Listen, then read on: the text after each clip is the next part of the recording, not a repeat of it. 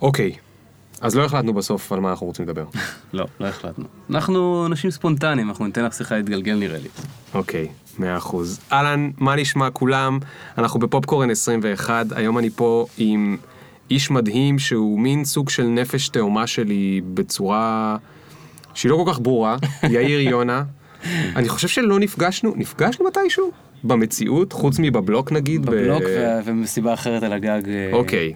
במסיבות, למרות שהקשר בינינו הוא דווקא לא קשור למוזיקה, הוא דווקא לא. קשור למה להלכי שאתה, רוח. למה שאתה עושה, כאילו, לספר שלך, לכל מה שאתה עושה, כן. אוקיי. אמ, אז החלטתי שאני חייב, אה, הוא גם הוציא לא מזמן דיסק, כן. הוא מוזיקאי, הוא עושה כל מיני דברים אה, מוזרים ומעניינים, והחלטתי שאני חייב סוף סוף לברר מה אתה עושה, חייב. ומי אתה, ומה גורם לך לבחור בדברים מסוימים ולא לבחור בדברים אחרים. ובשביל זה אנחנו נתחיל, נתחיל בעוד שנייה. Yeah. Boom, boom, boom, boom. One time. Look. Ring the alarm, hot ass nigga. Big ass head so my dreams get bigger. Big campaign strong so my flows get sicker. Confidence bigger than a drunk ass nigga. מה קורה? מה העניינים? אז מה אתה עושה, יאיר?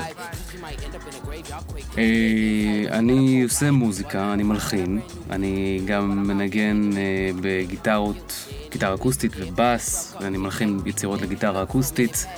מלחין יצירות לגיטרה אקוסטית, מלחין אה, דברים שנשמעים כמו פסקול, יש לי הרכב שקוראים לו Water Knives, שהוא משהו בין טכנו דיסקו, Afrobeat, psychedelic ו soundtracks. עשיתי פסקול על מלחמת יום הכיפורים, אה, זה בצד המוזיקלי. אני עובד אה, גם בעולם של אה, online marketing. אה, עם הזיקה שלי יותר גדולה, אחרי שחיפשתי וחיפשתי וחיפשתי ונגעתי בכל התחומים בעצם, הזיקה הכי גדולה שלי בעצם זה דאטה. כאילו אני sucker של, sucker של analytics. תמיד הייתי, רק לא ידעתי שזה מקצוע. זאת אומרת, אוקיי. אה, כאילו, ב-2008 אני חושב גיליתי את העולם של Google Analytics. לא ידעתי הרבה מה לעשות עם זה, אבל זה כל כך חרמן אותי שאפשר לדעת כל מיני דברים על כל מיני אנשים. כאילו אני הייתי, אתה יודע, מינימום שטאזי כזה. אתה יודע. אז אה, לאחרונה זה כאילו התחום שיותר מעניין אותי. אה, אבל זה שני הפכים גמורים, לא? ומשלימים, כי אני ש- מאמין שכאילו, כמו שכל מוזיקאי היום רצוי שידע קצת פוטושופ וקצת אה, וידאו אדיטינג כדי לטפל בעצמו ולא צריך לזכור אנשים, שכל מוזיקאי צריך לדעת היום גם אה, איך לקרוא את ה insights של הפייסבוק שלו, של האתר שלו, עד לרמה מסוימת, כן? זאת אומרת, אני- כל מוזיקאי צריך להיות קצת marketing guy.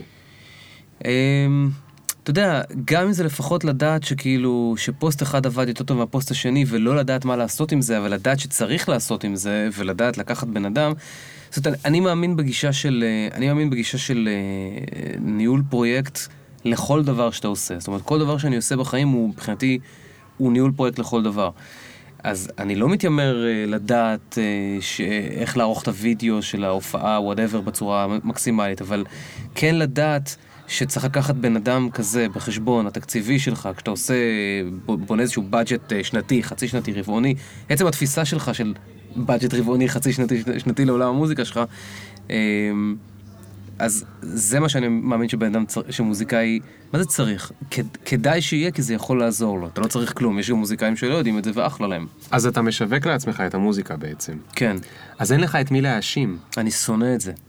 אני מתעב את זה, נורא שאתה זה. לא מאמין. נכון? כי אם אני מוזיקאי ואני אומר, אוקיי, אני לא מבין שום דבר ב marketing, לא לא. מבין שום דבר בזה, אז בוא ניתן למישהו אחר, ואז אם משהו לא הולך, אני לא מאשים את עצמי, זה הוא אשם. אתה צודק, אבל אני תמיד יכול להאשים את המדינה. את העולם, את הרחוב, אתה נכון. יודע, לא, אבל כאילו... את התזמון, את העליתי את זה בדיוק, ב-8 אה. בבוקר ולא ב-8.30. כאילו מי עושה הופעה בשעה כזאת בצהריים, בגלל זה זה לא עבד, אתה יודע, כל מיני שיט כזה. אבל אה, לא, אני, אני, אה, מצד אחד אתה צודק, מצד שני, כאילו, ברצינות הבעיה היותר גדולה, הבעיה היותר גדולה זה שאתה, זה נורא קשה לשים את שני הכובעים באותו הזמן. כאילו, אה, נגיד שעבדתי בסטארט-אפים, או כשהקמתי, הקמתי בזמנו לייבל שקוראים לו הנובה. הקמתי אותו בשיתוף עם, עם שותף, שוקי פרי. אה, והקמנו הקמנו חברה, וזה היה כאילו, אתה יודע, להיות מנהל של החברה מצד אחד, ולהיות זה שבודק איך בונים את ה a href בתוך הניוזלטר בצורה הכי טובה כדי שלא ייפתח, אתה יודע, כל מיני shit כזה. ואז זה כאילו bottom up ו-vice versa. אבל כשאתה עושה את זה במוזיקה, אז כאילו אתה, אז אתה, מת- אתה כאילו נמצא באיזו סיטואציה שאתה... אני רק רוצה לנגן את המוזיקה המזוינת שלי, כאילו, אין לי כוח לשבת לבדוק את ה insights של יוטיוב, ובאיזה דקה היה לי את ה drop ש- כן. של, ה- של ה curve כדי לשים שם את ה annotation. כאילו, fuck that shit. אבל, אבל, אבל אתה, ואתה, ואתה מבין, כי ככל שאני יודע יותר על העולם הזה, ואני יודע, באמת, אני קורא ואני חוקר ואני בתוך העולם הזה שנים, זה רק דופק אותך יותר. כי אין, יש אין סוף, אני יכול, literally, אני יכול להוציא אלבום אחד ולעבוד עליו שש שנים ב marketing. וזה, לא, וזה עדיין לא, לא יפסיק. אין, אין סוף ל marketing הרי. אז זה בדיוק מה שאני אומר, שאתה ככל שאתה יודע כמה יש עוד בעולם, והי, הנה זווית שלא בדקתי, למה בקואלה לומפור נכנסים לאתר שלי יותר? אולי יש לי שם לקוחות. כן. אתה יודע, כל מיני shit כזה, אז אתה, אתה, אתה יכול, זה, אתה יודע איך זה, analysis paralysis, זה בדיוק זה. כן, אבל תגיד רגע, אה, האלבום שעכשיו הוצאת, חרב. חרב, הוא... בוא נגיד ככה, הוא לא נועד למיינסטרים. נכון. זאת אומרת, יכול להיות שהוא נועד למיינסטרים, אבל הוא לא קל לעיכול כמו חברינו ב... שנועד, קלים לעיכול, לא חשוב עכשיו אה, אוקיי. כל אחד וחבריו. Mm. איך אתה מסביר את זה? זאת אומרת, אם אתה איש marketing, אתה לא מת לעשות משהו שאתה יודע כאיש marketing שיהיה נורא קל לשווק? אה, אתה מבין למה אני מתכוון? כן, ברור, אבל אתה הרי, יודע, הרי אתה- זה יכל לדפוק אותך בקטע הזה של ה... אוקיי, אני יודע בדיוק מה עובד, אני יודע בדיוק מה אנשים צריכים, אני גם יודע איך למדוד את זה, אני אעשה להם בדיוק את המוזיקה שהם צריכים, והכל יהיה טוב. אתה לא צריך להיות איש marketing כדי לדעת שסטטיק ובן אל תבורי זה הדבר הכי פופולרי, ואם אתה רוצה שזה, אתה רוצה שיהיה לך מוזיקה פופולרית, אז צריך לעשות משהו. איפשהו באזורים האלה. זה פשוט לא העולם שלי, אני לא יודע איך עושים את זה. לא הייתי יודע וזה היה מעניין אותי, הייתי עושה את זה בשמחה רבה, זה לא מעניין אותי. זה, זה כאילו... להפך, מבחינתי האתגר כאיש marketing הוא אה, ל- ל- להבין איפה נמצאת הזווית שבו אה, אלבום כמו חרב, שהוא פסקול אלטרנטיבי למלחמת יום הכיפורים, crying out loud, איך הדבר, איפה, איפה נמצא ה market segment של זה? עכשיו, אני מאמין שיש market segment לכל דבר. כאילו, אז, אז בוא תסביר רגע על זה, אתה באמת, אתה באמת מאמין בזה? כן, זה, כן, זה כן. השאלה באמת, אני חושב שהיא חד הכי... חד וחלק. ואני, אתה יודע, הבעיה היא בעיה תקציבית, זאת אומרת, כאילו, כדי לעשות את הטסטים האלה, אני, אני צריך להריץ, אתה יודע, כל מיני סוגים של קמפיינים, וכדי לבדוק איפה יש לי היענות יותר טובה, ובלה בלה בלה. בשלב מסוים התקציב נגמר, אז הרבה פעמים יש הימורים לא נכונים, לפעמים יש הימורים שיותר קולעים. אה, אם היה לי, אם היה לי כסף, אתה יודע, לא הייתי עושה אותו בשביל לגזור לעצמי משכורת, הייתי עושה את זה בשביל טסטים, כן. בלבד. ולשלם למישהו שיעזור לי לשים את הכל ב... אתה יודע, במעקב, כי אני לפעמים הולך לאיבוד ב... ואתה לא חושב שהשוק הישראלי הוא נורא קטן? או קטן מדי? תראה, הוא... הוא... אני לא, אני לא בטוח אם השוק הישראלי... מה, בשביל המוזיקה למה, אני שלי? אגיד לך, שואל? כן, כן, כי יש אנשים שאומרים, אוקיי, אני עושה מוזיקה לנישה הפיצית, הפיצקית, פיצפונינית, אני יודע שהיא לא מיינסטרים, אני בסדר עם זה. אגב, זה לא רק מוזיקה, מה שאנחנו אומרים נכון לכל סוג של שירות או מוצר. אני עושה משהו לאיזושהי נישה, היא מאוד מאוד קטנה, ולכן אני גם לא מצפה ש... שזה ילך יותר מדי, והציפיות שלי נמוכות וזה בסדר. תראה, אני, הציפיות שלי, וזה דבר שאני אה, למדתי בשנים האחרונות, כתוצאה מהמסע הרוחני שאני עושה עם עצמי, אה, הציפיות שלי קטנו לאפס. לא בגלל שאני לא מאמין בעצמי או ב product שלי, או שאני מזלזל באינטליגנציה של הקהל או משהו. זה פשוט כי זה מכניס אותי ל-dire straits. מה- ל- מה זאת למצוקה. להיות בציפייה למשהו, זה מצוקה לא נורמלית. עכשיו, אני, אני בן אדם, זה לא שאני אגיד, אני אגיד לך, אתה יודע, אני אעשה הופעה עם, ה, עם ההרכב שלי, או אני עושה איזשהו ערב, לא יודע, מה שקשור לחרב או וואטאבר, אם יגיעו, אם ציפיתי, אצל, כאילו, בוא נגיד ככה, גם המילה ציפייה צריך לפרק אותה, כי, זה, כי המילה ציפייה היא, היא, היא, היא, היא טעונה, אבל נגיע לזה אם תרצה, אבל אה, אם ציפיתי, במול- בעולם המונחים שלך, ציפיתי להביא 100 איש לה- להופעה והגיעו 30, ברור שאני אתאכזב. אבל אני מאמין שכל דבר הוא, כל תפיסה שלך של המציאות היא עניין של הכוונה שעומדת מאחוריה. ולכן אם, הציפי, אם הציפייה שלך לקהל היא כזו שבה אתה מגדיר את האהבה העצמית שלך או את אהבת העולם דרך כמות הקהל, אתה תתאכזב לנצח. כי אם הגיעו 100 אז למה לא 200? ואם הגיעו 400 אז למה לא 5,000? כן. ותמיד יש את ההוא שהביא 5,000. בדיוק, בדיוק. אם אתה, אם אתה בן אדם שגם מסתכל על, ה- על הדשא של האחר, זה, זה בכלל בעיה. אבל אם אתה מצפה ממקום, וזה זה התקליט, ש- זה הצד בתקליט שאני הפכתי עם, עם עצמי. אם אתה בונה את הצ... אם, כאילו אם אתה נמצא באיזושהי ציפייה, שאתה אומר, הייתי רוצה, וזה הולך לשם נורא New Age ונורא קלישאה, אבל I swear to God שזה מה אתה שאני יכול לעשות מאמין. מה שאתה רוצה בפודקאסט זה, הזה. זה מה שאני מאמין בו. אה, שאני, יכול- שאני אומר, הלוואי, ש- אה, אני רוצה לשמח יותר לבבות, אני רוצה לגרום ליותר אנשים fun, ואני מתבאס שלא הגיעו יותר אנשים מהזווית הזו, אז הציפייה, אז כאילו יש לי איזה, איזה התבאסות יותר, אבל זה, שוב, זה, זה לא נוגע אליי, אתה מבין? זה לא חיי הרגש שלי, זה כאילו, אומר, "זה- הגיעו 30 ולא 5,000, פיין, בסדר, מה אני יכול לעשות?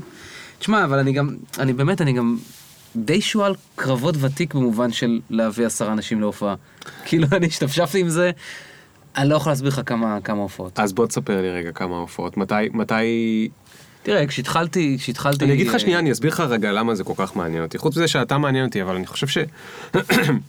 בעצם חלק מהקונספט של העולם החדש, גם אני מדבר על זה בספר, אבל גם אני מדבר על זה כל הזמן בבלוג, וכל הזמן בסביבה, ואותם אנשים שבונים לעצמם את הסולמות.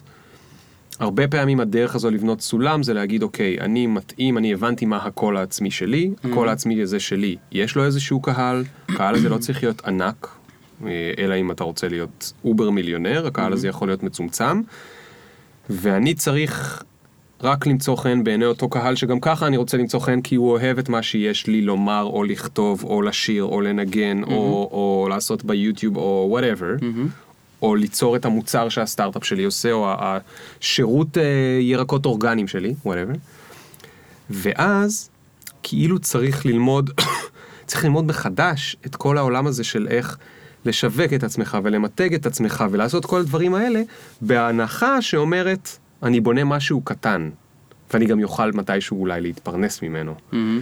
וזה כאילו שיעורים אחרים מאותם, אתה יודע, הדברים המסורתיים של ה-MBA, שב-MBA מלמדים אותך, במנהל עסקים מלמדים אותך איך לשלוט על חברה של 30 אלף עובדים, ולא איך לעשות מוצר שאולי יהיו לו 30 לקוחות בחודש וזה יספיק כדי לפרנס אותי בכיף, ואני, יהיה, יהיה לי את חנות הכרוביות שלי, שהם רק הכרוביות הסגולות, אני היחיד שיש לו כרוביות סגולות, ורק ה-30 מעריצים בארץ מוכנים לשלם על כרוביות סגולות, ובסוף החודש אני מקבל מספיק כסף. אוקיי. ואני חושב שמוזיקאים הם אלה שעושים את זה בכל אופן ככה מההתחלה, כי הם כולם התחילו עם עשרה אנשים מתישהו, נכון? כן, הרוב, כן. אוקיי. אז יאללה, אז עכשיו תחזור ל... אז מה השאלה בכל הסיפור? הזה? איבדתי אותך איפשהו באמצע. רציתי שתספר לי אה? מתי התחיל, ה...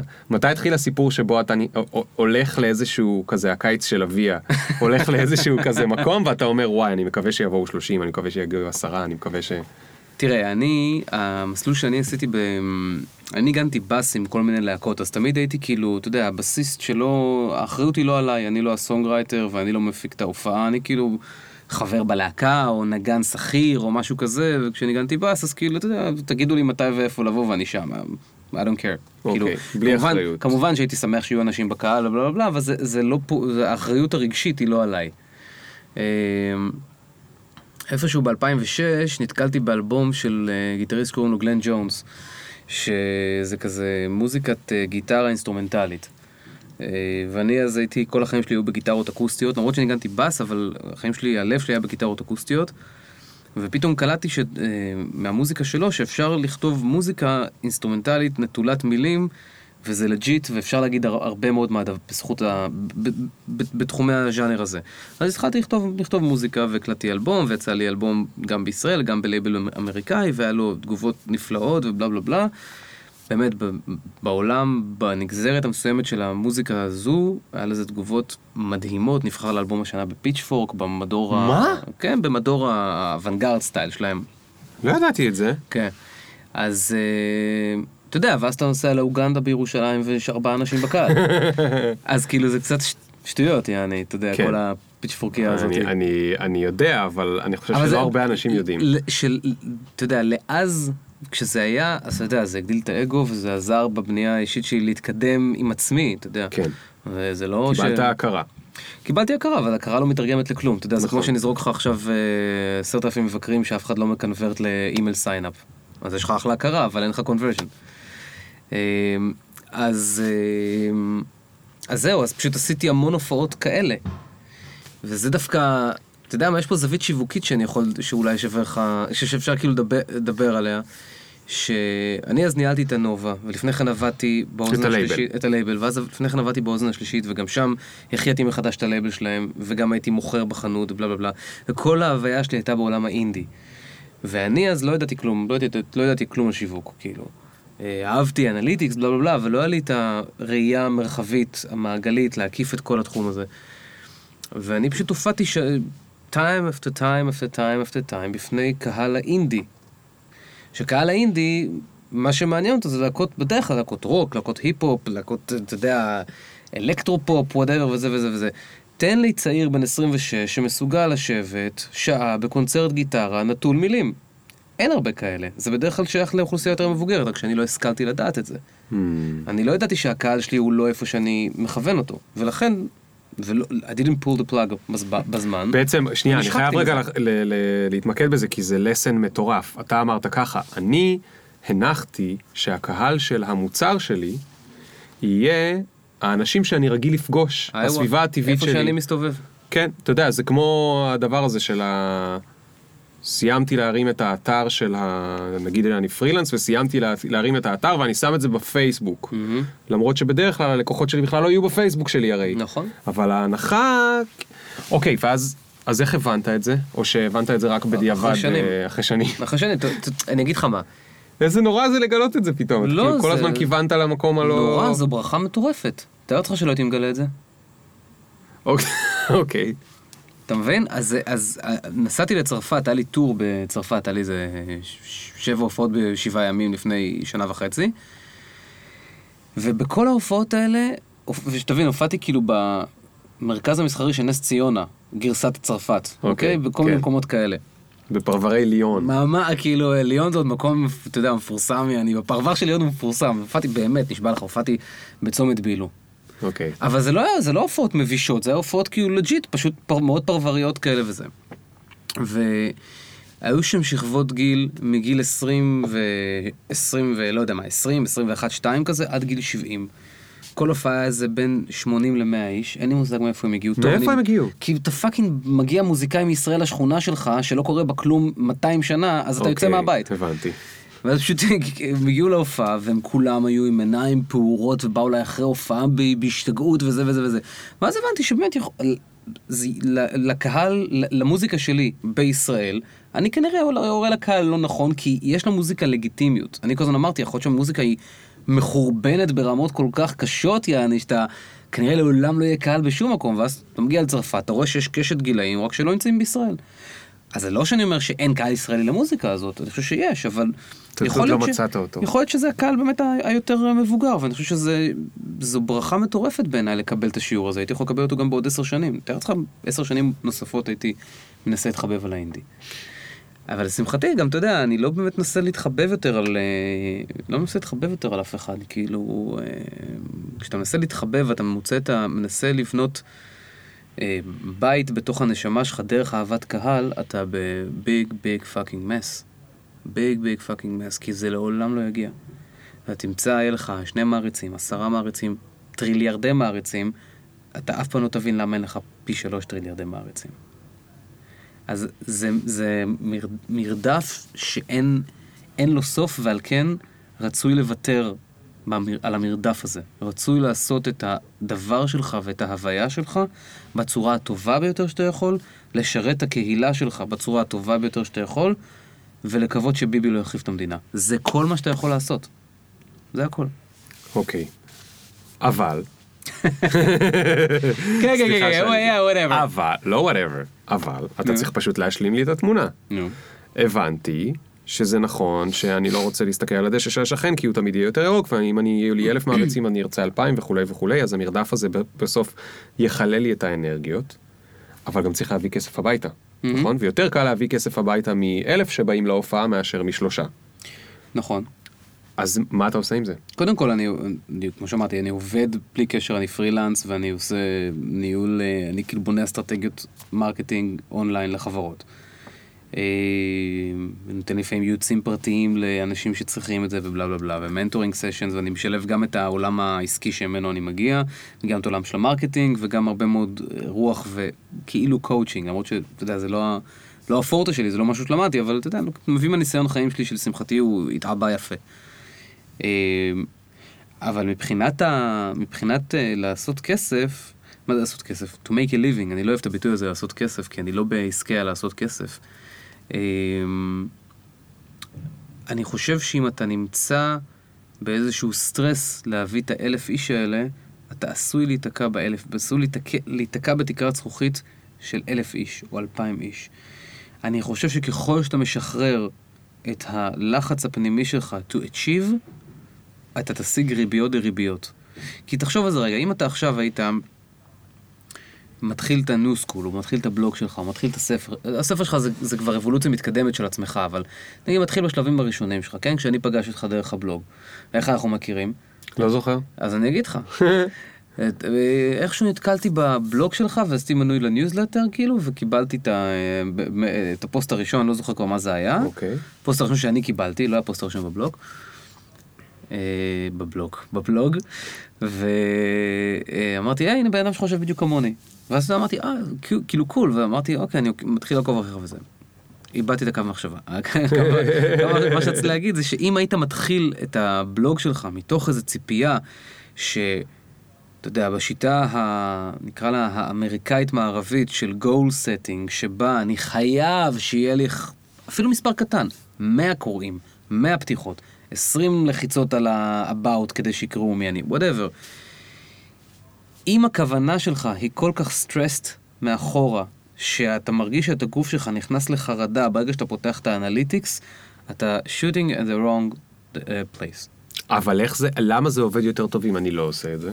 זה מה שאתה עוד לא הסברת לי. כי אני חושב, ואני יכול להעיד רק על עצמי ועל בסיס כל המקרים שאני מכיר, אמ, שהחרדה מנתבת אותך לתהליכי מחשבה מאוד מאוד ספציפיים שמבוססים על דפוסי עבר שלך. אתה לא, לא באמת עוצר ומקבל את ה-full capacity שהרוח שלך יכולה להציע. אתה מבין מה אני אומר? לא כל כך. אם אתה... אתה יודע מה... זאת אומרת, יכול- הבנתי, אתה אבל יכול אני להיות- רוצה שתיתן לי דוגמה. אז אתה יכול להיות רק עצמך. נכון, נכון? בלית ברירה. יפה, אבל עצמך יש לו כמה רבדים. זאת אומרת שאם אני אומר לך, אם אני שם אותך עכשיו במצב שהוא stressful, העצמך שלך יהיה אה, הישרדות. נכון? קומה נכון. ראשונה בפירמידה של מאסלו. נכון. אם אני נותן לך עכשיו 5 גרם פטריות פסילוסיבין, אתה תהיה בעצמך אחר לגמרי. נכון? אתה, נכון. אתה תהיה tripping ברמות, לא כל כך יהיה עצמך, אבל יהיה איזשהו entity מסוים שקורה איתו משהו, נכון? אבל זה כן. גם סוג של עצמך. זאת אומרת, ה visions שאתה תראה באו מהתת מודע שלך, נכון? אז זו הקשת מבחינתי. הקיצון הזה, והקיצון של ההישרדות והקיצון של, נקרא לזה, רווחה, בגדול. אני חושב שככל שאתה מכניס את עצמך לתוך הקופסה המקופ... שבה אתה מתקפל בתוך קופסת נעליים ועם הגב הכמור שלך וכל הגוף שלך הוא מכונס כמו, בתוך עצמו כמו שבלול כי זה מה שקורה בחרדה, הגוף שלך מתכמת, אתה לא יכול לנשום, אתה לא, לא במובן של נשימה פיזית, כן. גם, גם את זה, אבל אתה לא כן. יכול להיות ב... מה זה? מה, אוקיי. זה, מה, זה, מה, זה, מה זה הנשימה החזקה הזאת? אוקיי, אבל עכשיו אני כן. רוצה שנעלה שלב. אני, אוקיי, אני... אני באתי לך אני- לתת כיוון למחשבה שלי, אני כאילו... לא, אני דווקא איתך בול. אוקיי, אתה תכוון. אני רוצה שנעלה שלב. אוקיי. מה עם דיאלוג עם אותו אה, קהל שאני רוצה או לא רוצה ל, אה, להבין או לרצות וכולי. זאת אומרת, לא זה לרצות, בסדר לא- שאני... לא יש את המילה הזאת לרצות, אתה לא מרצה. לא, אתה גורם אמרת. מה לא לעשות. לא לעשות זה לא לרצות, לא לנסות לרצות עכשיו אלף איש כדי שאלף איש ירצו לבוא לזה שלי. לא, זה לא מה שאמרתי. אמרתי, אולי, זאת אומרת, אולי זה לא משהו, לא מה ש... לא הסברתי את עצמי נכון. זה לא לא לרצות אלף איש, אתה עדיין, אה, אתה עדיין רוצה שיהיה לך אלף קונים בחנות. נכון. אין בעיה עם זה. השאלה היא הכוונה. אם הכוונה שלך היא, אני רוצה אלף איש כדי שאלף איש יאהבו אותי, אתה בסכנה. אוקיי. אבל אם אתה רוצה אלף איש כי אתה רוצה לקיים יחסי גומלין עם אלף איש, שבו אתה תיתן להם קרוביות והם ייתנו לך כסף, אבל לא תחליט שחיי הבת שלך תלויים, תלויים בקר- בקרובית הזו, אז אתה נמצא במקום אחר לגמרי. כן. עכשיו תחזור לשאלה. אז, אז... הייתי חייב לתקן על... עכשיו הש... העניין הוא ש... זה קשור לדבר הזה שאמרת עצמך. אוקיי. עכשיו החבר'ה אומרים לי, תקשיב, אנחנו לא רוצים יותר כרוביות סגולות. אנחנו רוצים עגבניות. אבל אני לא רוצה לתת להם עגבניות, זה משעמם, כולם אה, מוכרים עגבניות, נכון? זאת אומרת, יש פה... אה, יש פה שלבים שונים לגמרי בין מי שיש לו אפס קונים, שוב, לא משנה אם אתה מוכר מוצר או שירות, אם אתה פרילנסר, whatever, יש לו אפס קונים, לבין מי שכבר יש לו איזשהו קהל, או לקוחות, או קונים שרוצים את מרכולתו. כי ברגע שכבר יש לך איזשהו קהל, הקהל עכשיו יכול להשפיע על הדבר הבא שאתה תעשה. כמובן. כן. אבל אם הוא משפיע, אתה צריך ל- ל- להיות שם, ובעצם לשמור על עצמך. זה מצחיק. המשפט הזה, לשמור על עצמך. אתה צריך לשמור על עצמך, זאת אומרת, אתה צריך לשמור על עצמך. כי אם אתה תתחיל להגיד, טוב, הם רוצים עגבניות, אני אביא להם עגבניות, אה, עכשיו הם רוצים מלפפונים, אני אביא להם מלפפונים. אחרי שנתיים אתה מגלה שאתה הפכת להיות סתם ירקן, אוקיי. ובעצם איבדת את כל החדווה של למכור אה, כרוביות סגולות. אוקיי. זאת אומרת, זה, זה מאוד משתנה בין, בין מה שקורה כשאני מחפש את עצמי. הרבה פעמים יותר קל, ל... אז, אז אני שואל אותך, יכול להיות שיותר קל למוזיקאי להגיד, אוקיי, אני עושה איזה מוזיקה אוונגרדית שאני רוצה, לפני האלבום הראשון והשני. ואז אחרי שכבר יש לו קהל, אולי הוא רוצה לדעת מה הם רוצים. אבל אני שואל אותך, השאלה אני שואל אותך כי אתה איש marketing, אתה איש השאלה- marketing, אתה מסתכל על מספרים, בדיוק, איך אבל- המספרים לא משפיעים עליך לשנות את מה שאתה תרצה לתת. כי החיים שלי לא תלויים בזה. אוקיי. זה, זה הכל. לא מדבר על כלכלה. החיים כהווייתם, כאיך, כאיך, האם יאיר יצור רגשי, שערימה של רגשות, האם הוא מושפע מזה בצורה שהוא ירגיש שהוא הולך למות אם אנשים לא יקנו את חרב? לא, זה לא, אוקיי. זה לא הקייס. השאלה שלך היא לא שאלה אליי כמוזיקאי, היא שאלה גם אל עצמך בתור, אתה מחליט מחר בבוקר שאתה רוצה למקד את הבלוג שלך על, אתה יודע, כמו שפאט פלין עושה, אתה תעשה, תכתוב על passive income. בסדר, אתה תאבד חלק נכבד מה... מה לא יודע אם נכבד, אבל תאבד חלק מהקוראים שלך. נכון. ואולי תרוויח קוראים אחרים. כשבוב דיל, דילן בשנת 1965 עולה על הבמה בניופורט פסטיבל עם גיטרה חשמלית. פסטיבל פולק והוא עולה לבמה עם גיטרה חשמלית. מרעיד את אמות הסיפים, זה בערך כמו ש... באמת, זה בערך כמו שאני אלך ואני אשתין לכותל המערבי, בסדר? באמצע יום כיפור. תוך כדי שאני אוכל פיתה עם חזיר, בסדר? זה מה שבוב דילן עושה, עולה ב... פיצה עם חזיר, פיצה עם עוד חזיר. כן. קודש הקודשים, עולה פסטיבל פולק שכולם זה אקוסטיות וכזה מתקן של אה, מפוחית על הצוואר, עולה עם גיטרה חשמלית. והסערה, סערה טוטאלית וכאילו בוגד בז'אנר וכל החרבון הזה. ומה קרה? אנשים התגברו. כן. זה הכל, כי אנשים מתגברים. ואז אתה, אתה מאבד קצת ואתה מרוויח בצד השני. זה הכל. כל אקשן שתעשה בחיים שלך, אתה הולך להרוויח משהו ולאבד משהו. כל אקשן. כן. אז אתה תמיד תמצא את עצמך בנקודת איזון. יכול להיות שנקודת האיזון המסוימת של בוב דילן מעלה אותו שני סטפים למעלה, אבל הוא עדיין יהיה בנקודת איזון. הוא לא יכול להיות אחרת. כי, כי אחרת הוא... אחרת אתה- מפתח מחלות. טוב, אני רוצה עכשיו לקחת אותך למקום אחר לגמרי. אוקיי. אני מרגיש שאני לא עונה לך לש- לשאלות. אתה דווקא ענית לי. אוקיי. אתה דווקא ענית לי, התשובה בסופו של דבר הייתה מעולה. הזה של ה-you win some, you lose some, וזה כאילו מה שזה, זה מחזיר אותי למקום של ת, תשמור על עצמך ותהיה עצמך, ותיקח בחשבון כל מהלך שתעשה, you win some, you lose some. כן. טוב, אני רוצה לקחת אותך למשהו אחר לגמרי. רוץ. הפודקאסטים, דרך אגב, הפרקים האחרונים ששמעתי היו מעולים. כן? כן, אה, של... אה, מי אהבת? של אה, זוננשן? זוננשן זה שם המשפחה שלו? מי? אה, לא זה ה... אה, אה, ה- יש יניב טרוס. יניב טרוס מאוד אהבתי, וזה שהיה לפניו, ברח לי השם שלו. מי היה שעושה את לפניו? הפסטיבל שהוא מרצה ב-MIT. אה, זלמנסון. זלמנסון, כן. זלמנסון הוא אדיר, הוא אדיר. ממש מעולה. הוא אדיר, הוא בן אדם מדהים. אז תגיד לי רגע, כן. אתה אומר שפתחת לייבל? כן. איך הגעת לעשות דבר כזה מוזר? יש לך רקע, לא, אני חייב, אני פשוט לא דיברנו על לימודים וזה, יש לך איזשהו רקע בעסקים? הרקע היחידי שלי בעסקים זה שאבא שלי אמר לי מרגע שנולדתי, אתה צריך ללכת לנהל. זה הכל. למה הוא אמר לך את זה? כי זה מה שהוא היה. אבל הוא לא לימד אותי משהו ספציפי על ניהול. הוא פשוט אמר לי כאילו, מנה- מנהל לא צריך לעבוד, אבל הוא, לא, הוא אמר את זה בצחוק, כאילו מנהל לא צריך לעבוד, אבל הוא הכי כאילו מושקע בתוך העסק, אבל הוא לא צריך לעבוד את העבודה של הלא מנהל. מה, זה בתור ילד זה מה שהוא אמר לך? כן. אבל זה לא שהוא כאילו טפטף לי, כן. גדלתי בצילו של אבי המנכ"ל IBM, אתה יודע, לא. הוא עבד בחברה מאוד גדולה של עמילות מכס, אבל זה לא, זה לא שגדלנו באיזשהו אה, אה, בית ספר למנהל עסקים סניף רמת גן בבית, כן, אתה כן, יודע. כן. אבל אה, זה, זה מה שהוא דחף, הוא כאילו דחף אותי כל הזמן להיות ב, בפוזיציות ניהוליות. ככה מצאתי את עצמי מפקד של משמרות זהב, זה היה הג'וב הראשון שלי.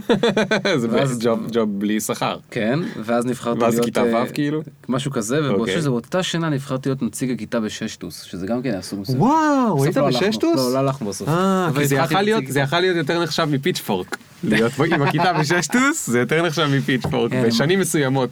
הייתי ילד חננה כזה, ידעתי את ה... היה לי- היה לי ידע- ידע כללי מטורף בדברים שבאמת ילד בכיתה ו' לא צריך לדעת אותם. מה למשל, תביא איזה עובדה, יש לך משהו הייתי? משנן קלפי טריוויה.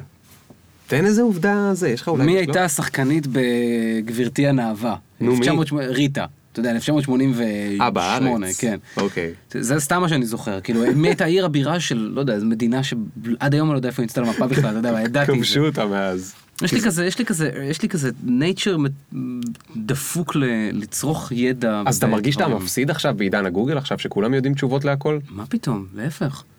זה שידע הוא נמצא אצל כולם זה מגביר אותנו כאנושות, זה מעולה. לא, אבל אתה, היה לך שם יתרון יחסי. כשהייתי בן 12, בוא, אוקיי. אוקיי. אז איך לעזאזל עכשיו תענה ישר? אז לא הלכתי ללמוד שום דבר. אז איך, איך, איך פתחת, גם אתה לא הלכת ללמוד? למדתי חצי תואר באוניברסיטה הפתוחה לפני שלוש אתה מבין, שנים. הבאתי לפה דוקטור אחד מאז טרוס, חברת קריאיטיב מטורפת לא למד, גיא קצוביץ', מנהל קרן הון סיכון לא למד, אתה פותח לייבל בפיצ'פורק, עושה זה, עושה שיווי, לא למדת, מה קורה פה? אני אגיד לך מה קורה פה. אני חושב ש... טוב, עזוב, אני לא יכול להגיד משהו כוללני. אם הייתי הולך... קודם כל, מעולם מסגרת לא התאימה לי. מעולם לא יכולתי שיגידו לי מה לעשות. בצבא היה לי מאוד מאוד קשה עם זה. כאילו, דמויות סמכותיות שאני לא מצליח להבין את ההיגיון שבסמכות, זה איקס מבחינתי. אם אתה דמות סמכותית ואני מכבד אותך, להיגיון, יש היגיון בסמכות שלך, אני, אני איתך. אבל אם אתה... אם אתה עובד על פי העיקרון הפיטרי ואתה הגעת במקרה מאוד לפוזיציה שבה אתה נמצא, אז אני, אני לא, לא אבוז לך, אבל אני לא יכול, אני לא יכול ללכת איתך, זה כאילו נוגד לי כל, אני בן אדם מאוד הגיוני, זה סודר לי את כל ההיגיון שלי. כן, ואתה צריך להיות מנהל. אולי. בקיצור, אז אה, הייתי, גרתי בלונדון אה, שנתיים, ב-2002-2003, או 3 ו-4, אני כבר לא זוכר, ולפני שטסתי ללונדון הייתי מעריץ מאוד גדול של אה, רוקפור. הייתי מעריץ שרוף של וואו, רוקפור. גם אני. הייתי הולך לכל ההופעות גם שלהם. אני. מאמצע הניינטיז. באמת, כאילו כל הופעה בתל אביב וזה וזה. ואז ש... רגע, איפה גדלת? ברמת גן. אוקיי, אז היה לך קרוב, אני באתי מקריית ביאליק. וואלה. אז כן, זה היה יחסית, זה היה יחסית קרוב. הייתי רואה אותם בסלמה 40 כשהיה ברבי שם, ואתה יודע. נכון, דינמו דבש. דינמו דבש דווקא לא ראיתי אותם, אני חושב. דינמו אוקיי. דבש אני לא ראיתי אותם, אבל הייתי, חשבתי, עד שאמרת עכשיו דינמו דבש, שראיתי את כל ההופעות שלהם בתל אביב. אולי ראית והזיכרון שלי המציא שהם הופיעו בדינמו דבש והם הופיעו לא שם. יכול להיות. anyway, אבל... אה, אה, גרת בלונדון. גרתי בלונדון, ואז הם, אה, הם הכירו אותי, רוקפור הכירו אותי מההופעות, כאילו, כי באמת הייתי עומד, הייתי כל הופעה, עומד בצד במה, והייתי, אתה יודע, הייתי fucking מעריצה. ואז אה, כשגרתי בלונדון, היה להם כזה, היה להם פורום, היה להם אתר אינטרנט, בין הלהקות הראשונות שהיה להם אתר אינטרנט, כאילו יפה, גם מושקע. היה להם פורום, והם כתבו בפורום שהם הולכים להגיע ללונדון. ואז אמרתי, יואו, לא מאמין, אתה יודע, וזה הייתי בן 22, משהו כזה, אחד. בקיצור, מפה לשם וזה, יצרתי איתם קשר, אמרתי להם, תקשיבו, אני מאוד אוהב את הלהקה, בלה בלה בלה, כי עם מי שהייתה הסוג של מנהלת אדמיניסטרטיבית שלהם, והיא לא הכירה אותי כי לא הייתה באה להופעות. לא משנה, I go on על פרטים לא חשובים, ואז, אה, ואז, אה, בקיצור, הם באו ללונדון ואני עשית, עזרתי להם מאוד עם חלוקה של פליירים ופוסטרים ומילאתי להם את המקום בישראלים. נחמד. כן. זה היה ב-phase שהם שרו באנגלית. כן, כן. אוקיי. זה היה ב-tour של, אה, לא, זה היה אחרי, זה היה ב-tour של Nationwide ב-2004. ואז כאילו בשלב מסוים חזרתי לארץ ויצרתי קשר עם אלי חיון, המנהל שלהם, שהוא גם אחד המנהלים של האוזן השלישית, ואמרתי לו, אתה זוכר אותי שאני תפרתי לכם את ההופעה אז בלונדון, הוא אומר, אני מחפש עבודה. אמר לי, תקשיב, יש לנו את הלייבל הרדום שלנו, Earsay, שפתחו לייבל בזמנו והוא היה רדום. אה, בוא תנסה להחיות אותו. עכשיו, אני לא הבנתי כלום בדבר הזה, בלייבלים או, בני, או, עסק או whatever, ושם התחלתי להתגלגל. לא הבנתי, רגע, רגע. למה הוא נתן לך לנסות לה- להרים לייבל? כאילו מי, סליחה על זה, אבל מי היית שהוא ייתן לך לה- להרים לייבל? אה, כאילו איך, הוא איך, הוא, אני חושב שהוא ראה בי מישהו שיש לו מוטיבציה ורצון לעשות אה, דברים גדולים כפי מידותיו. אז הוא האמין בך. אני כל הזמן מגלה, אני כל הזמן מגלה, פודקאסט אחרי פודקאסט, שהרבה פעמים יש איזה דמות שמאמינה בך יותר מכמו שאמרת, מכפי מידותיך, וזה פשוט מקפצה מטורפת. כאילו תראה, צריך... זה, זה נורא תלוי, כי הוא נתן לי את הצ'אנס, אבל זה, זה לא שתוך כדי העבודה היה פה איזשהו אה, עבודה של seeding. לא, אני מדבר על. לתת את הצ'אנס. צ'אנס כן, על זה אני תמיד אתן לו את את הכבוד. יחסינו נגמרו מאוד מאוד רע, אבל, אבל על זה אני נותן לו את, ה, את הצ'אנס הגדול. אחרי שנתיים, באו אליי עם איזה רעיון לפתוח את אנובה, שאמרו, יש איזה, יש איש בשם שוקי אה, גולדווסר, שהוא אה, איש מאוד אה, אמיד, שרוצה להשקיע במוזיקה ישראלית, מבלי כוונת רווח, בעצם לעשות איזשהו קרן תרבות סטייל כזה. והתחילו להקים את זה וזה, ואז זה עבר, ואני אני נכנסתי לתוך זה, וב-no time מצאתי את עצמי מנהל את העסק הזה יחד עם שוקי פרי שהיה השותף שלי. הייתה מוזיקאית שקראו לה ענת דמון שנפטרה לפני כמה שנים לצערנו מסרטן, היא ניהלה את זה בהתחלה. ואז אני ושוקי תפסנו את זה, ופתאום מצאתי את עצמי בונה חברה עם תקציב, עם עובדים, עם אולפן הקלטות, פתחתי חברת publishing, סגרתי חברת publishing, כאילו היה שם, ניהלנו אומנים, כאילו עשינו הכל מכל מכל, עשינו טריליארדי טעויות, באמת, טריליאר, באמת, אני טעיתי בשמחה רבה וטעיתי בווליומים גדולים, וזה לימד אותי להיות, אה, אתה יודע, זה לימד אותי לא לפחד, אה, במקום מסוים, לא לפחד אה, לקחת את ה- לקחת את הצ'אנסות האלה. היה לכם משרד? כן, היה לנו חתיכת משרד. וישבת בחדר משלך? כן, כן, והיה לך, היה את הדלת כאילו, כן. שנכנסים לדבר כן. עם יאיר? בוודאי. ואז מה, מגיע אומן שרוצה להיות בלייבל שלכם? נגיד, כן, לא, הם, הם לא מגיעים אלינו, הם שולחים לנו דמואים, ואז אם זה היה מעניין אותי, הייתי חוזר אליהם. שמעתם את כל הדמואים? שמעתי 99% מהדמואים. לא. הרש- לא הרשיתי איזה- לעצמי לפספס כמעט כלום. אז מה זה האחוז הזה שלא שמעת? כי אני מניח שהיה איזה משהו שהיה נראה כמו הצורה שלי, ואמרתי, אם אתה לא מכבד את עצמך מספיק בשביל לשלוח משהו שנראה דיסנט, איך שלחו דמו אז? כאילו דיסק, איזה... דיסק עם אה, אנחנו שחור, אה, היי יאיר. בהמשך שיחתנו. ככה פספסתי את אסף אבידן, האמת. Oh my God! פספוס והנה הסקופ של הפודקאסט. פספוס גדול. בוא ספר לנו על זה עוד פעם. הוא שלח, הוא ש... הם שלחו לי את ה-EP שאסף אבידן הוציא בהתחלה, ואני מודה שאז הייתי בתקופה מאוד מאוד עמוסה ושמעתי דברים קצת בחצי אוזן, אני מודה. כן. ועל התמונה אני רואה גבר יושב על מעין מעקה כזה, אה, לא יודע אם אתה מכיר את ה-EP, זה כזה מעקה ליד כביש.